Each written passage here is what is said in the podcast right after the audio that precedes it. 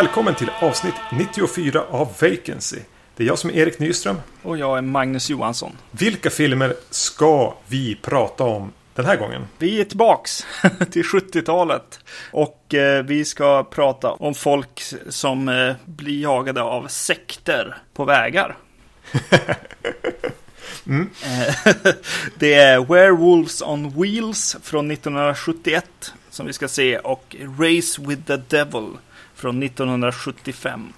Innan vi kastar oss ut på dammiga landsvägarna så eh, känner jag att vi måste ändå uppmärksamma att Betsy Palmer har gått ur tiden. Betsy Palmer spelade alltså Pamela Voorhees i den första fredagen den 13 filmen. Mm. Och har ju där även medverkat i några av de andra i tillbakablickar. Eh, det är väl typ den kändaste mamman från skräckfilm. Förutom kanske Fru Bates eller, eller så. som hon spelade. Jag kommer inte på någon annan på rak arm i alla fall. Nej, precis. Det var väl kanske inte så oväntat. Hon var 88 år gammal och har väl inte gjort något de senaste 7-8 åren. Och har ju egentligen inte eh, gjort så mycket med den status hon ändå måste ha uppnått som Jasons mamma.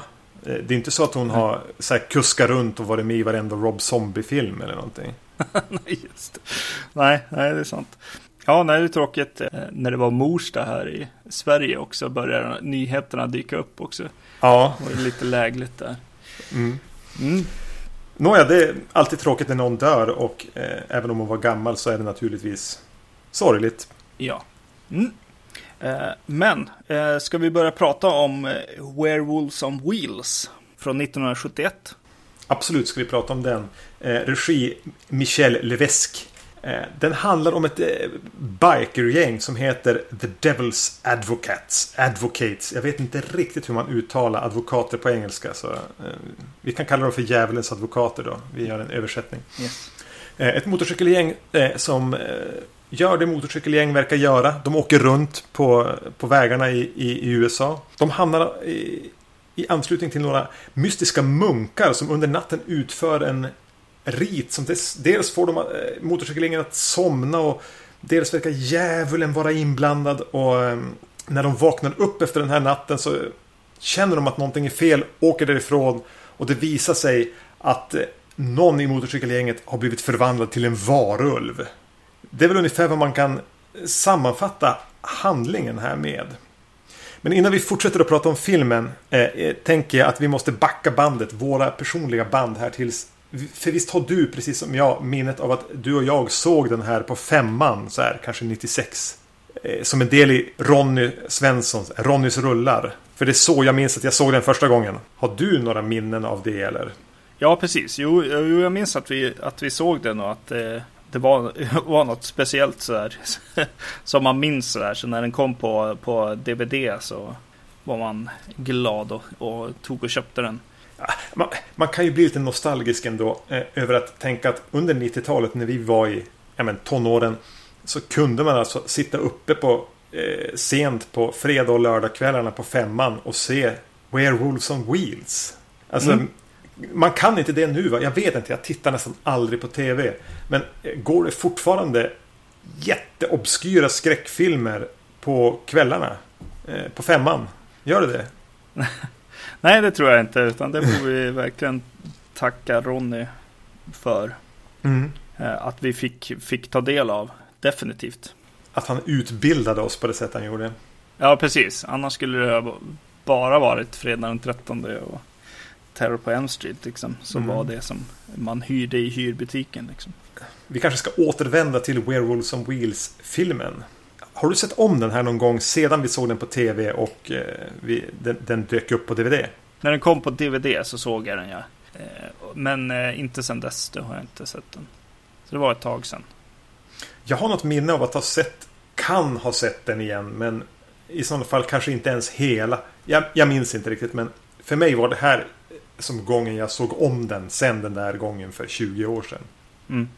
Just det redan från början i den här filmen så känns det som att den, eh, eh, den har någon, någon slags eh, stil, den här filmen. Eh, som börjar här med motorcykelgänget som är ute på gatorna och, och kör och musiken som spelas och texterna som kommer in. Mm. Det, och lite så här eh, dokumentärt, de stannar och, och, röker på lite och man får lite en inblick i livet på vägen.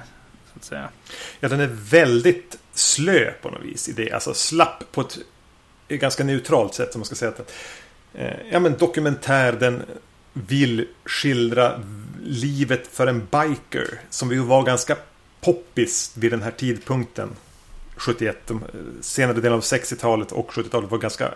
Livet som biker var ganska romantiserat. Så det, man märker att man vill skildra det på det här dokumentära sättet. Vad, vad, livet egentligen går ut på. Vilket verkar vara typ köra motorcykel, röka på, ha sex. Mm, precis.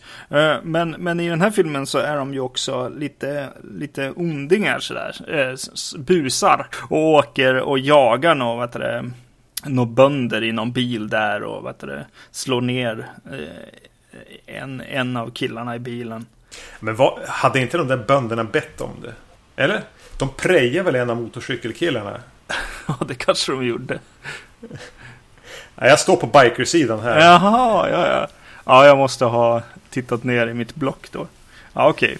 Okay. Men, men, men absolut, de är ju inte helt igenom snälla. Det är ju inga svärmorsdrömmar eller några du vill ha, ha i din trädgård.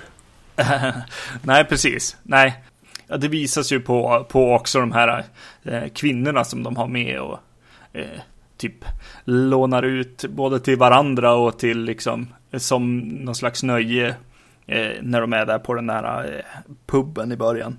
Så ja, mm. nej, det är väl inte, inte eh, svärmorsdrömmarna. Tänkte du på att killen på den där bensinmacken slash puben kändes eh, som eh, han från Texas Chainsaw Massacre? Som är kocken. Ja, just det. Jo, det gjorde han ja. Och eh, eh jag, jag, tycker just det här eh, hänget i den här baren som de är i början också är ganska trevligt liksom filmat och klippt och så. Det, det, det känns som en, eh, en filmskapare som, som försöker här eh, väldigt mycket. Han, han försöker få lite rörelse i kameraarbetet eh, och så vidare. Ofta genom en typ en långsam utzoomning genom en dialogscen eller en inzoomning liksom. Men ändå liksom. Eh, det känns som det. Ja, det är lite mer än vad det behövde vara, tycker jag. det är väldigt tydligt att de har jobbat på riktiga platser. Det är ju ingenting här i studiobyggt. De har ju åkt runt längs vägarna och, hittat ställen att spela in på. Vilket den här puben som du ändå väljer att kalla det för. Ja. är verkligen, verkligen en sjaskig pub. Ja. Alltså tänk en bensinmack som har ett litet rum där du kan köpa öl. Ja. Eh, eh, så, så, använder de ju det. Dels för att skapa det dokumentärt och dels för att ge något slags liv åt det. Med som du säger inzoomningar och lite fumliga åkningar som ändå... Eh, man känner att regissören här, Michel Levesque, vill göra så mycket han bara kan. Mm. Med, med, med, med scenerna. Mm, exakt. Eh, och även liksom hur det ser ut. Det är klart att det här är kanske en, en riktig plats. Men den är ju verkligen eh, smockad med detaljer att titta på. Eh, det är ju en spännande liksom, eh, plats på något sätt. När jag kollade upp den här regissören så visade det sig att han för det mesta jobbat som art director. Ja, han har väl jobbat med typ Roger Corman och Russ Meyer. Ja, precis. Han har varit art director på filmer som Super Vixens, eh, någon Ilsa-film, The Incredible Melting Man mm. och eh, Beneath the Valley of the Ultra Vixens. Så, så nu i efterhand så, så börjar jag ju förstå vad, vad grejen är mycket i, i det som jag gillar i den här filmen. Och det är ju ofta Eh, de, eh, det är eh, egentligen två saker som är riktigt sköna. Mycket av det liksom visuella och viljan att göra en liksom eh, snygg, stilfull film med, eh, med lite så här eh, dokumentärkänsla typ. Och eh, nu tappar jag tråden. nej, fan jag tappar tråden. Och när de är i den här eh, puben. Det är som att under början av filmen som, som den mesta inspirationen finns också. Jag gissar vilt att den är inspelad något sånär i, i den ordning den spelar upp sig. Det är även där de använder den här lite så här flumklippning. De klipper mellan ett, ett sånt här bord med ett prickat mönster som någon ställer ner någonting på. Då klipper de snabbt och tvärt bara några sekunder över till en till en eh, flock fåglar som flyger i himlen. Där prickarna på mönstret ser ut som fåglarna och tillbaka och sånt där. Och, och, och, och livar upp det med, med det. Det är lite grann som lutar sig mot Easy Rider och den här experimentella filmvågen som ju trots allt hela Hollywood var inne i under perioden när den här spelas in.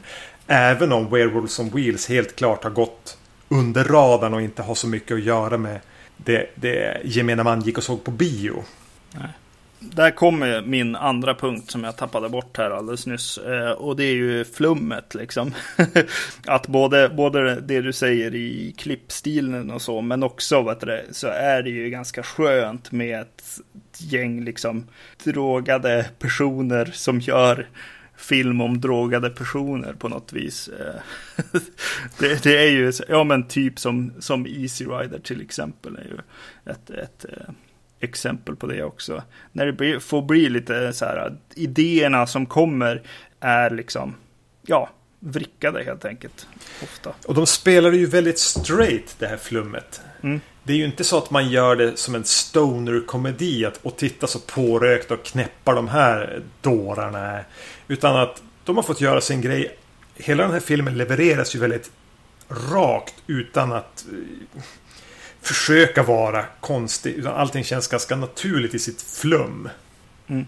De, de håller på att lägga tarotkort. En av de här bikers-killarna kallas för Tarot. Alltså tarot mm. för att han gillar att spå folk med det och är lite den, den mystiske. Och man, jag, jag tänkte hela tiden på, heter han Billy i Rovdjuret? Indianen i Rovdjuret. Jag såg han.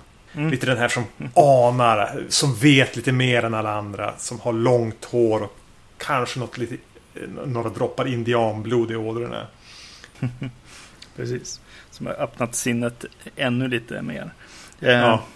Och han, han blir ju den som de säger är lite udda liksom. På ett sätt också. Så att det blir ju... Ja, jag tycker att de håller, håller det på ett eh, ganska jordnära sätt. Eh, som sagt. Med att inte gå liksom. Ja men ja, som du säger, liksom stoner-komedi liksom. Ja, men det känns genuint och ärligt trots att det bara är knarkflum i, i mångt och mycket. ja.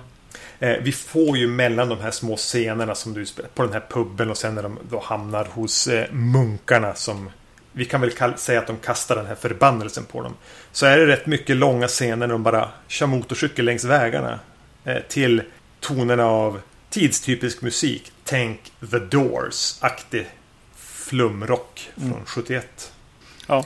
De hamnar ju då så småningom hos de här satanistmunkarna. Vi kan kalla dem för det. Ja. Kan vi, kan vi enas om den definitionen av vad det är de drabbas av? Precis. Ja, det är väl det. Eh, och bara det liksom. De hänger lite grann utanför deras eh, kyrka och, och festar och sen kommer munkarna ut och bjuder dem på vin och bröd. Vilket gör att alla slocknar. Medan de sover då så hamnar, eh, vandrar en av deras eh, kvinnor in och, och verkar vara delta i någon satanisk ritual eh, med de här munkarna. Eh, och även det känns ju väldigt tidstypiskt. Djävulen och djävulsekter och allting var ganska hett vid den här tidpunkten. Både som samtalsämne mellan människor, eh, sekter. Det var inte så länge sedan Charles Manson och hans eh, gelikar gjorde det de gjorde och mm. Rosemary's Baby låg bara några år tillbaka i tiden. Precis. Eh, så, så det blir mer liksom djävulsfilm här. Mm. På det här lite flummiga eh, handhållna sättet. Ja, precis. Ja, där blir det ju i, i början lite lätt eh, humoristiskt. Eller den ligger ju hela tiden och är ganska oseriös på något sätt ändå. Eh, och, eh, och det blir ju ännu mer så när, när munk, munken här eh, har sin eh, lilla ritual innan hon kommer in och... Han dödar en katt den jäveln. Ja, just det. Mm. Ja. Det känns som man har nästan problem med det. Själv lite grann faktiskt. Tycker jag i hans skål. Ja. skådespeleri där. Men, men.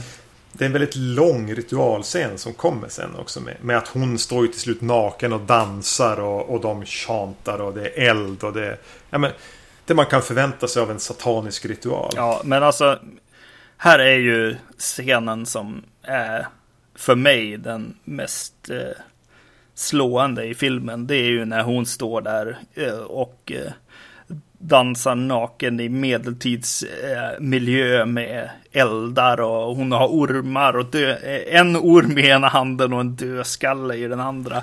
Och, och en ring med druider runt henne liksom. Mm. Det är fan estetiskt supersnyggt verkligen. Ja. Tycker jag. Ja, men de får, de får till det riktigt härligt den scenen, jag håller med. Ja, det är som ett häftigt liksom metal skivomslag eller liksom något ja, en bokomslag eller någon mystisk tavla. Eh, det är mycket häftigt. Eh. Mm. Ja, men det blir ju på något sätt crescendot och höjdpunkten i hela filmen är ju den här ritualscenen. Mm. Och ju, just innan jag, innan jag såg filmen här nu eh, så hade vi sett ett avsnitt av Game of Thrones. Mm. där, där de använde liksom kvinnors nakna kroppar liksom för att typ sälja avsnitt egentligen. Känns det väldigt, väldigt mycket som. Och de hade en, en scen eh, i det avsnittet som vi såg som var verkligen helt onödig och så här. Eh, var det en våldtäkt? Eh, nej, nej, det här Oj. var bara så här. Åh, titta på mina bröst eh, eh typ ett tag. Och eh, det, det ja, nej, det var, det var verkligen eh, slående sen när jag såg den här som var någon slags nästan, ja, jag vet inte. Men den känns ganska avsexualiserad, gör den inte Ja, det? precis. Jo, och även om det här, om det nu är liksom, åh, titta på kvinnokroppen så är ju det här någon slags mer av en så här, jag kände mer av så här, åh, här är en hyllning. Snarare än liksom mer exploitation liksom. Eh, vilket är lite konstigt när den här är från 70-talet och eh, Game of Thrones är från nu när vi ska vara lite har kommit lite längre när det kommer till sådana saker. Men, men... Jag tänker mig att de som gör Werewolves on Wheels är lite för påtända och lever i en alldeles för pårökt era för att bry sig jättemycket om just att sexualisera kvinnokroppen. Nej, precis. Eh, och och eh, samma scen med en naken man skulle vara lika kraftfull tror jag. I, ja. Iggy Pop till exempel. Om jag får föreslå.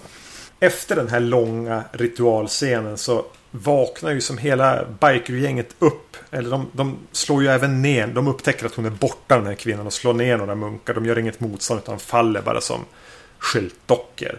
Eh, så märker de när de åker därifrån att ah, någonting är lite fel. Så de bestämmer sig för att åka ut i öknen. Eller som de säger We're going to the desert to get our head straight. Mm. Vet inte riktigt vad planen är men de åker ut i öknen i alla fall. Och det är någonstans då det visar sig att eh, en av dem, kanske fler, mm. har förvandlats eh, till en varulv. Eller förvandlats till en varulv under natten. Mm. Eh, och det är där varulvselementet kommer in. Det är ganska lite varulv. Ja, i, den här filmen ja. Ja, absolut. Ja, för, för, för att finnas med i titeln så här se, minuterna man ser en varulv i bild är ganska få. Ja. jo, Framförallt så får vi aldrig se en varulv köra motorcykel, vilket man ju någonstans ändå hade velat se. Ja, precis. Nej, men det är ju inte viktigt heller. Alltså, det är inte viktigt för historien. Eh, de berättar heller, utan ja, det var någon som hade en mask eller en titel på en film, känns det som. Mm. Eh, något av det liksom. För att eh, det skulle lika gärna kunna vara att de blev någon slags demon. Eh, demoner eller jag vet inte vad riktigt. Eh, men det är ju en bra titel och en skitfin affisch. Som typ, vi gick in på någon Levis butik eh, för något år sedan. Och då, var, då sålde de t-shirtar med, med mm omslaget på. Så att, eh... Ja, det lever ju kvar som en populärkulturell ikon. Och, eh, titeln och kanske omslaget. Mm. Men jag måste ändå pausa här. För jag har ett jättestarkt minne av den här filmen. Eh, och det är, de stannar eh, när de åker genom öknen för att få kom, komma till rätta med saker så stannar de i liksom ett någon slags skrotupplag i öknen där de eh, sätter eld på bilar för att hålla sig varma. Eh, jag har väldigt starkt minne av att när de är i den där soptippen så är det en av karaktärerna som hittar en videokamera. Och bestämmer sig för att ja, men vi ska göra en film. Och att vi får någon minut sidospår av att en av de här bikerkillarna bestämmer sig för att spela in en film med en hittad kamera. Jaha. Men det var inte, det var inte med nu va? Eller Nej. var jag nere i mina anteckningar? Nej. Känner du igen det här? För jag minns att när vi hade sett den då för 20 år sedan. Att vi pratade om det. Ja men det var ju som häftigt att de började göra en film. Kan jag ha blandat ihop det med någon annan film? Eller finns det en längre version av Werewolves on Wheels som Ronny Svensson visade oss på TV? ja. Känner du igen det jag säger? Nej, nej, nej, jag kommer inte ihåg det. Uh, För jag började just, hade, jag hade just börjat liksom försonas med tanken på att det här är någonting jag har inbillat mig. Jag har förmodligen blandat ihop det med någonting annat. När en av bikerkillarna kallas för Movie. Och då kommer det bara tillbaka. Just ja, han, de kallar ju han för Movie för att han var fil, ville spela in filmer hela tiden. Just det. Ja, det slog mig eh, när jag såg den. Ja, Movie. Ja, det var ju roligt namn. Undrar vad det kommer sig av. Jag har googlat eh, lite halvhjärtat, okej, okay, men jag har googlat i alla fall på så här borttagna scener, längre versioner. Jag får inga träffar. Jag får någon deleted scene, men den verkar inte ha någonting med att spela in en film att göra. Nej, okej. Okay. Eh, jag börjar känna mig som en dåre. Ja. Eh, eh, samma sak hände med, vad heter den? Lord of the Flies. Eh, den svartvita versionen. Flugornas herre från sent 50-tal eller om det är tidigt 60-tal som jag såg hade en så här, sjuklig fascination för när jag var i tidiga tonåren. Såg den väldigt mycket. Att i en scen i den så är det någon av pojkarna som tittar över en klippa och ser en fallskärm så här, blåsa upp i vinden över en klippa långt bort. Eh, som ju då visar sig vara fallskärmen till fallskärmshopparen. Bla bla bla. Mm. Och jag har nu köpt eh, den filmen på dels på Criterions DVD och nu även på Criterions Blu-ray. Och den scenen är inte med. Mm. Det är en bort, den är bortklippt. Den fanns på den scen jag, den version jag spelade in från TV som barn. Men den är inte med längre. Jag har samma sak där. Jag har googlat, jag har mejlat Criterion. Jag får inga svar. Eh, var det, var det Ronny som visade den då också eller? det kanske var det. Ja, Han har bara stulit en massa rough cuts av, av filmer. Exakt. ja. Så om det är någon lyssnare som känner igen att de har sett en scen i Werewolves on Wheels där de börjar spela in en, en amatörfilm. Eller har sett en liknande film där de spelar in en amatörfilm. Kontakta gärna oss då. Mm. Ge, ge till känna. Samma sak om, om Lord of the Flies. Om det är någon fler än jag som har sett den här fallskärmen blåsa upp över en klippa eh, i fjärran. Mm. Hör av er. Jag kan inte vara ensam som har inbillat mig det här. Ja.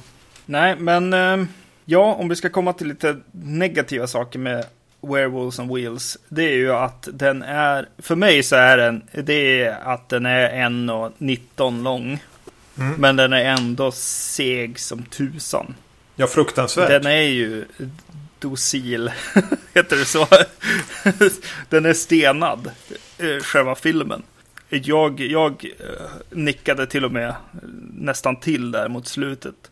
Och det är ändå liksom mot slutet, ja då har det gått en timme, det ska jag väl klara mig liksom. Så det finns ju någonting där som, ja jag vet inte. Det, gör, det här är ju på något sätt en film som det kanske inte gör så mycket om man kanske råkar nicka till några sekunder eller en minut. Nej, precis. Det är väl en sån här drive-in film när man ska hångla lite. Hångla eller vara så stenad att du, att du jag vet inte, blir mer fascinerad av dina egna händer för ett ögonblick. ja. Nej, men jag håller med. Den är på ett sätt helt meningslös och rätt seg. Mm. Men på samma sätt så är den ganska härligt meningslös och skön. Ja. Eh, så man kan som vända de här nackdelarna till dess fördelar. Ja, absolut. Och det finns jättemycket så här, ja men bara scener och, och liksom, ja men de har skrivit några roliga repliker också som lätt skulle kunna liksom bli samplingar eller så. Snort a little cocaine with the devil. Pop a little LSD with the devil. Föreslår han att, han, att de ska göra där borta vid, vid munkarna. Där. Rape me Satan! Rape me Satan! Springer en av deras kvinnor omkring och skriker i, naken i skogen också. Yeah. Jag gillar också den här, den där är lite låg. Men uh, That is two things I've got man. I've got balls. Inte två olika saker.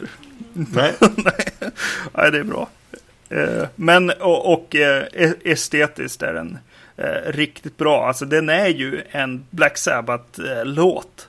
Känns det som eller en Cathedral eller ja men alla sådana doom metal band eh, ja. eh, kan ju ta inspiration från, från många av de här scenerna, särskilt de eh, med satanisterna i. Eh, och eh, ja, det känns lite grann som den är gjord som Black Sabbath skrev låtar också. Med mycket droger i kroppen. De har ingen aning om vad de gjorde förrän det blev klart. Liksom. Nej, precis. Nej. Var det inte det han gjorde, eh, Dennis Hopper också? Var det inte han skulle ut i öknen och clear his mind och, och tappa bort sin filmkarriär? det låter inte orimligt. men ja, men alltså, ja. Jag kan inte tycka illa riktigt om Werewolves on Wheels. Den är för pårökt. Ja. Och flummig för att egentligen angripa. Exakt. Ja, den är, jag gillar den också. Så, och Gillar man de här pårökta bikerfilmerna med lite varulv inslängt, lite satanistiska kulter inslängt. Ge den en chans. Mm. Eh, om inte annat så kan man ju men, ligga och småsova till den. Ja, precis. Jo, men det, det är ju det här de kom av, alla, alla Grindhouse liksom filmerna som de försöker göra nu för tiden på alldeles för låg budget. För, för lite droger. Och för lite droger, ja precis. Ja, förmodligen. Eh, precis, och det, det var, var en fråga som jag kände genom hela filmen när jag såg den nu. Bara, ja, men vart är de här filmerna nu? Eh, och det närmaste jag kunde komma var, eh, vad heter den, A Field in England. Mm. Som är lite, lite så. Ja, den var ju skitbra för övrigt. Ja, precis. De som gör hyllningar till den här har alltid det där Tarantino-filtret. Men det känns ironiskt, va? det känns självmedvetet. Ja, precis. Eh, och det är lite synd. Det är därför ja, Field in England är ett riktigt bra exempel på hur man kan göra det eh, idag. Mm. Eh, Race with the Devil från 1975. Ja, det är en helt annan sak. Mm. Eh, regi Jack Starrett. Vi kan återkomma till honom. Två par där männen i fråga jobbar tillsammans i någon slags eh, motorbransch. De verkar köra motorcyklar och jobba med att utveckla motorcyklar. Åker tillsammans med sina fruar i deras stora husbil på en semester. Under eh, resan råkar de bevittna ett sataniskt ritualmord. Vilket leder till, när de vänder sig till polisen, att de senare blir förföljda längs vägarna av dessa satanister som inte vill att de ska komma undan med vad de vet. De har sett för mycket. Ja. Eh, I huvudrollerna, eh, vilket ju då är de manliga egentligen. Mm. Warren Oates och Peter Fonda. Så om vi har suttit och refererat Easy Rider och Dennis Hopper så kommer han ju som på beställning nu. Mm. Peter Fonda. Precis. Och Warren Oates är ju Sam Peckinpah skådis från Bring Me The Head of Alfredo Garcia. Han är även med i Stripes med Bill Murray och Harold Ramis. Ska vi redan nu stanna upp och säga vilken fantastisk skådespelare Warren Oates var? Ja. För han ser bara ut som en farbror. Alltså så här evig farbror. Han har förmodligen sett ut som en farbror när han var 12. Nu blev han inte så gammal. Han blev bara drygt 50. Här är han väl 45 kanske. Ja. Och har verkligen så här självklar karisma. Ja. Det går inte riktigt att beskriva men man, ögat dras alltid till han. Allt han säger blir liksom mer levande än vad någon annan hade kunnat säga. Han har det här i porerna. Mm, absolut. Så innan vi fortsätter, två tummar upp för Warren Oates. Ja. Det var bara det jag ville ha sagt. yes. Eh, du brukar ofta ha någonting att säga om förtexterna till filmer. Ja. Um... Jag tänkte att du ville säga någonting om de här, eller? Nej, inte mycket. Eh, det är någon eh, Star Trek-font som de använder. Men mer än det, det vet jag inte riktigt. Jag tyckte det var härliga förtexter med så här, träd som står i skugga. Och... Ja, just det. Den ja, just det. Mm. Mm. Mm. Jo, det var coolt att de använder det här eh, specifika trädet som ritualen sen eh, sker under.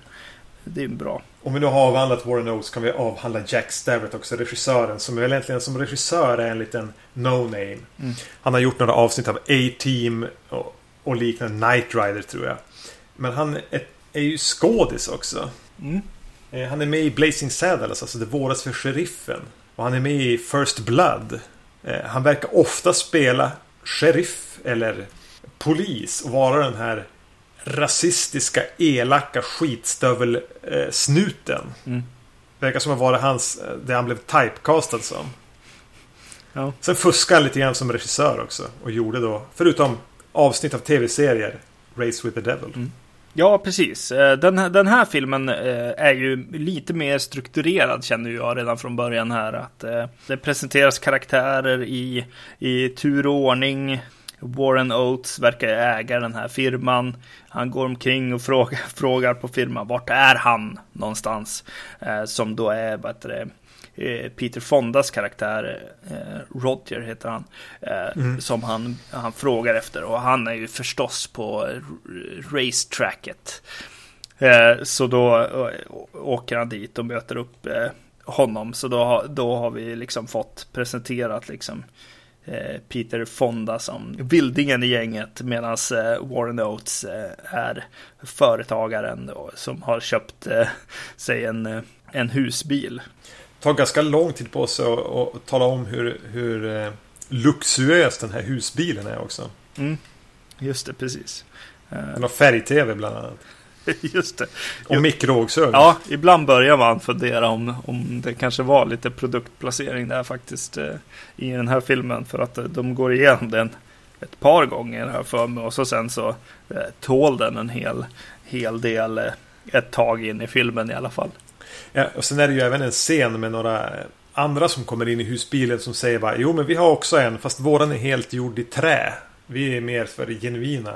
Och då kommer liksom motrepliken bara Ja Fast det här laminatmaterialet eh, behöver man ju inte vaxa och behandla. Nej, det är sant. Min fru tillbringar ju... Måste ju göra det två gånger i veckan med allt det här med äkta träet. Så det har du nog rätt i. Ja, vi kan väl säga att den här husbilen förmodligen har betalat en del av budgeten definitivt. Eh, precis, och sen åker de iväg så här. Det, det, är lite synd att vi liksom kommer inte till deras liksom fruar eller flickvänner eller vad de är.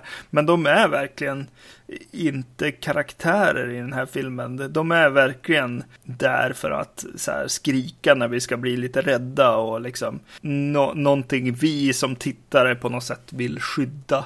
Eh, mm. Och även någonting för karaktärerna eh, här, Peter Fonda och Warren Oates att skydda. Ja men Peter Fonda, han heter Roger. Warren Oates karaktär heter Frank. De, de pratar, de, de namnen kastas fram och tillbaka hela tiden. De säger det till varandra. Deras fruar skriker det till dem eller ropar det till dem. Men eh, vad heter fruarna? Precis, jag vet inte. De heter Alice och Kelly. Jag skrev ner det. Jag kollade via IMDB. Jag hade ingen aning efter jag hade sett den. Nej. Jag tror aldrig de nämns vid namn egentligen. Nej, precis. Det enda de får är ju ett, ett sidospår eh, när de... När allting har hänt. Mm. Och, och, och de förstår att ja, men det här var någon slags satanister vi träffade på. Så då går de till biblioteket i en av samhällena där de stannar till. Och stjäl eller liksom stjällånar böcker om djävulen eller satanister eller vad det nu är. Mm. Det är ett extremt sidospår. Eh, scenen får ta ett par minuter. Men det följs verkligen aldrig upp. Nej, nej. Väldigt frikopplad scen. Bara för möjligtvis att ge de två någonting att göra tillsammans utan att deras män är med. Ja, precis. Ja. Det enda det fick mig att tänka på var hur, hur mycket liksom eh, witchcraft och eh, demongrejer och satanistsaker som bibliotek i skräckfilmer har. Det är typ det och gamla kartor som, mm. som finns på bibliotek i skräckfilmer. Mm. Ja, du går inte dit för att låna liksom en bok som du vill läsa för ditt eget höga nöjes skull. Eh, precis. Men eh, innan vi kommer dit så, så tycker jag att eh, en trevlig scen är just den här, eller trevlig, jag säger, använder det ordet väldigt fritt. Eh, eh, en scen jag gillar är, när man, är den här scenen som liksom börjar efter att de, de har hittat någon plats i skogen och parkera. Liksom. De vill inte liksom, behöva betala för att stå på någon liksom, parkering eller så. Utan eh Eh, de åker ut i skogen. Eh, och så sitter de och dricker och eh, det verkar som att de börjar bli riktigt, ja men de har verkligen första dagen på semestern eh, druckit här. Ja, och så ser de den här eh, ritualen som är ganska rolig liksom. Eh, hur, hur de gör det liksom. De, de ser genom, genom eh, kikare. Och eh, mm. Eh, kika på det här och eh, börja börjar inse att vänta, vänta, vi, det, det är ju någon slags eh, orgie där borta. Eh, och eh, de börjar eh, tycka att det är väldigt spännande.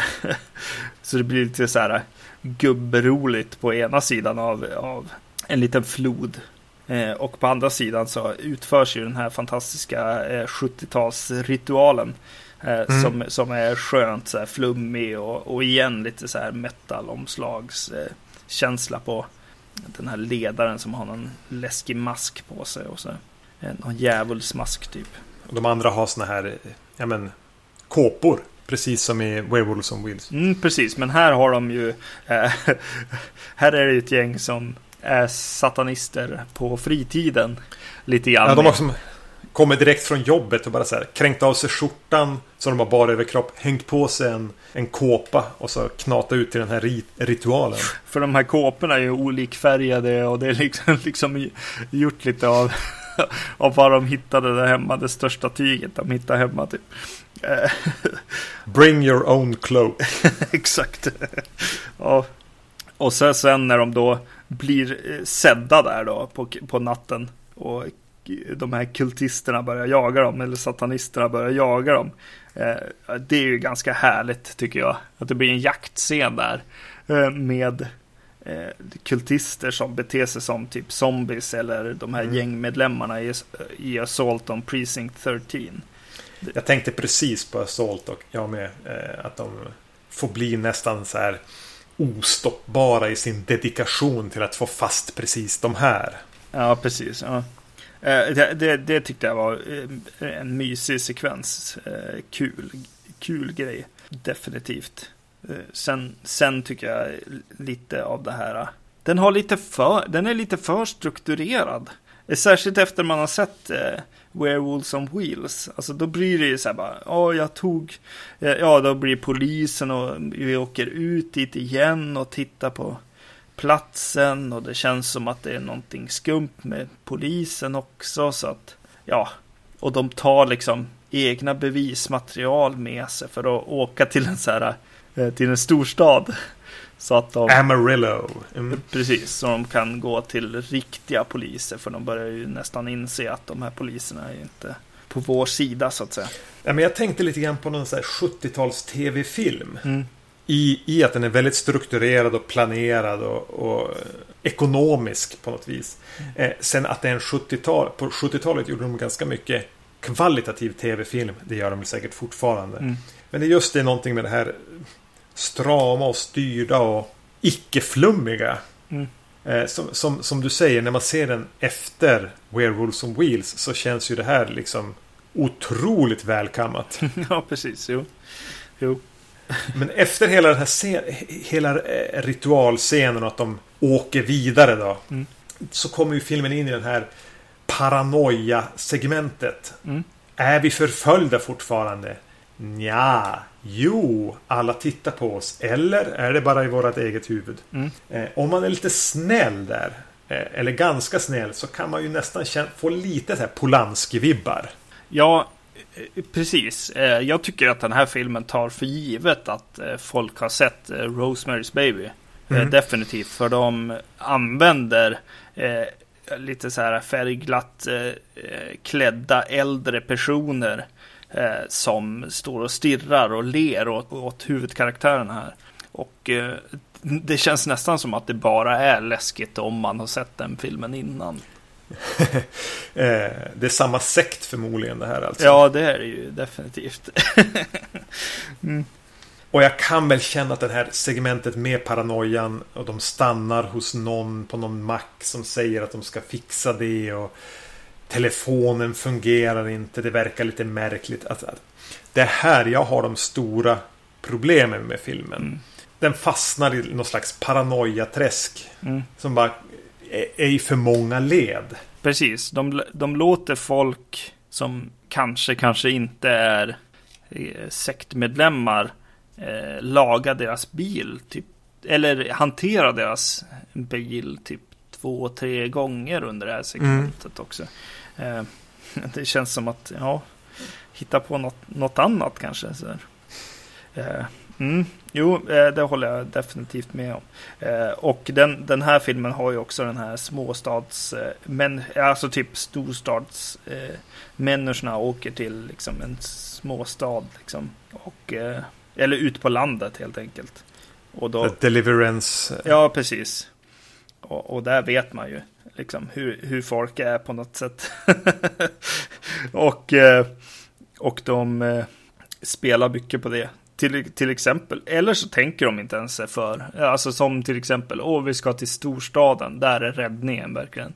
Eh, Ja. Och så här, eh, om vi ändå kommer till polisen i storstaden så, så är allting lugnt. Tänkte du dig att vi skulle få se en jakt på motorcyklar innan filmen var slut? Ja, ja just det. Mm. För de släpar ju med sig två så här, tävlingscross motorcyklar på baksidan av husbilen hela tiden. Mm. Eh, De är till och med ute och, och racear med varann här. Mm. Frank och Roger under filmens gång. Eh, men den kommer aldrig. Nej, nej, nej, det är lite udda. Eh, Men å andra sidan kommer ju någonting som är ännu lite häftigare kan jag tycka. Jag tycker att den här biljakten som ändå liksom blir någon slags stor klimax på filmen. Det, det, den är ju lite häftig. Det är lite udda bilar liksom i den eh, som gör att det blir trevligt liksom. Det är den här husbilen och liksom andra lite stora och lite lantisbilar, eh, liksom släpvagnar och nej men typ som, som jagar varandra. Eh, Ja. det, det blir lite, lite häftigt. Eh, och eh, under den sekvensen så tänkte jag på en sak som är musiken i filmen. Eh, tänkte du någonting på den? Jag kan inte minnas musiken i filmen. Var det ens musik? jo, jo, det var musik. Jag, jag blev ganska impad av den musiken som var i, i den här filmen. Och, Jag måste bara säga att jag är jättedålig på att notera musik i filmer generellt. Så det betyder ingenting att jag säger att jag inte tänkte på att det var det. mm, eh, det är bra för vad den är, kände jag. Det är så här, spänningsmusik med lite skräckinslag på något sätt som eh, actionfilm möter skräck. Eh, det är inget nytt, men det är väldigt, eller väldigt, men det är bra i alla fall. Eh, Ja, men om det nu är så att det är, det är under biljakts eh, här.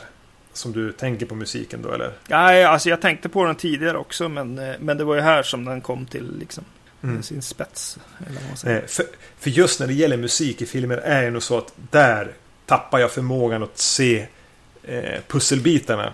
Utan där rycks jag i sådana fall bara med. Mm. För jag tyckte den här biljakten fungerade bra. Ja, Och tyckte den var spännande, lite häftig, coola bilar, hur ska det gå, hur ska de lösa det där? Mm.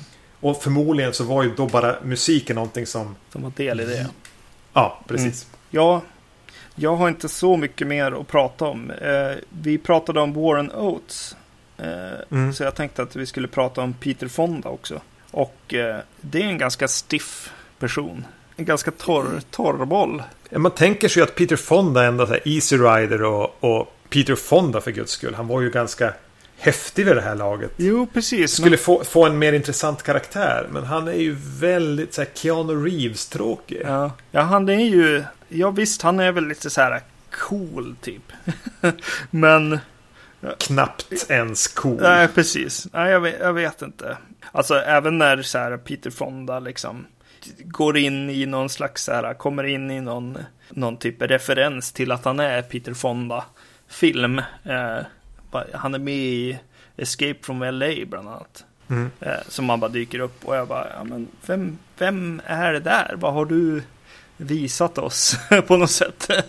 för att komma in och vara bara den coola killen liksom. Eh, jag vet inte. Känd pappa, eh, Easy Rider. Mm. Det räcker tydligen. Ja, ja, det måste vara det. Mm. Jag vill nämna en scen som ändå fungerade på mig. Och det är eh, scenen med ormarna inne i husbilen. Jag blir alltid stressad när det är ormar. Det är skallerormar i det här fallet som är lösa. En, Visst är det en eh, skallerormar i en husbil i Kill Bill också? Eller är det Kill Bill 2 möjligtvis? ja, just det. Ja, det är det. Ja, kanske Kanske lånade. Tarantino. Kanske en referens. Förmodligen en referens. Förmodligen. Ja, precis. Eh, absolut. Jag, jag gillade den också. Och vad heter det? Som sagt, eh, både jakt... Eh, ja, det är väl dem typ. Det är, det är den här jaktscenen eh, med... Eller typ nästan vägstridsscenen på något sätt. Eh, nästan Mad Max-inspirerat. Eh, och eh, upp ner med kultisterna och, och det. Och Warren Oates naturligtvis. Ja, Warren Oates. Definitivt. En av kvinnorna här, hon är med i MASH. Kände jag igen en av. Det, det går inte ens att skilja på dem. Fru- De får så fruktansvärt lite att göra. Ja, ja nej, det, det är lite synd. Men Jag blev även lite avundsjuk på den typ av semester de åtminstone har planerat. mm, just det. Jag skulle vilja vara på den här semestern.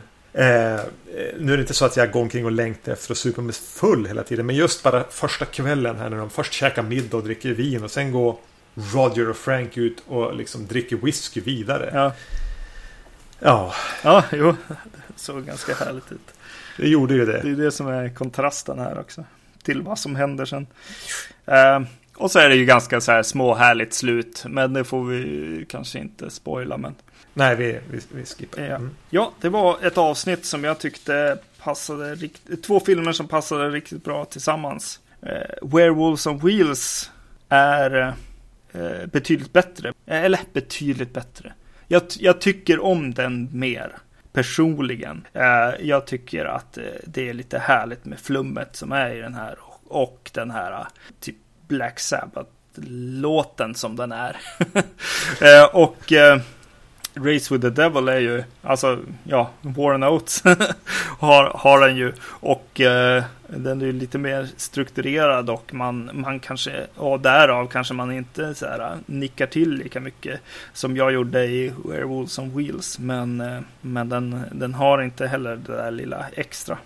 Båda filmerna är i alla fall väldigt korta. Ja. Och jag kan tänka mig att eh, 9 av 10 personer skulle tycka att Race with the Devil var den bättre filmen. Mm. Men jag är precis som du. Jag lutar åt Werewolves on Wheels-hållet just på grund av det här sköna flummet. Mm.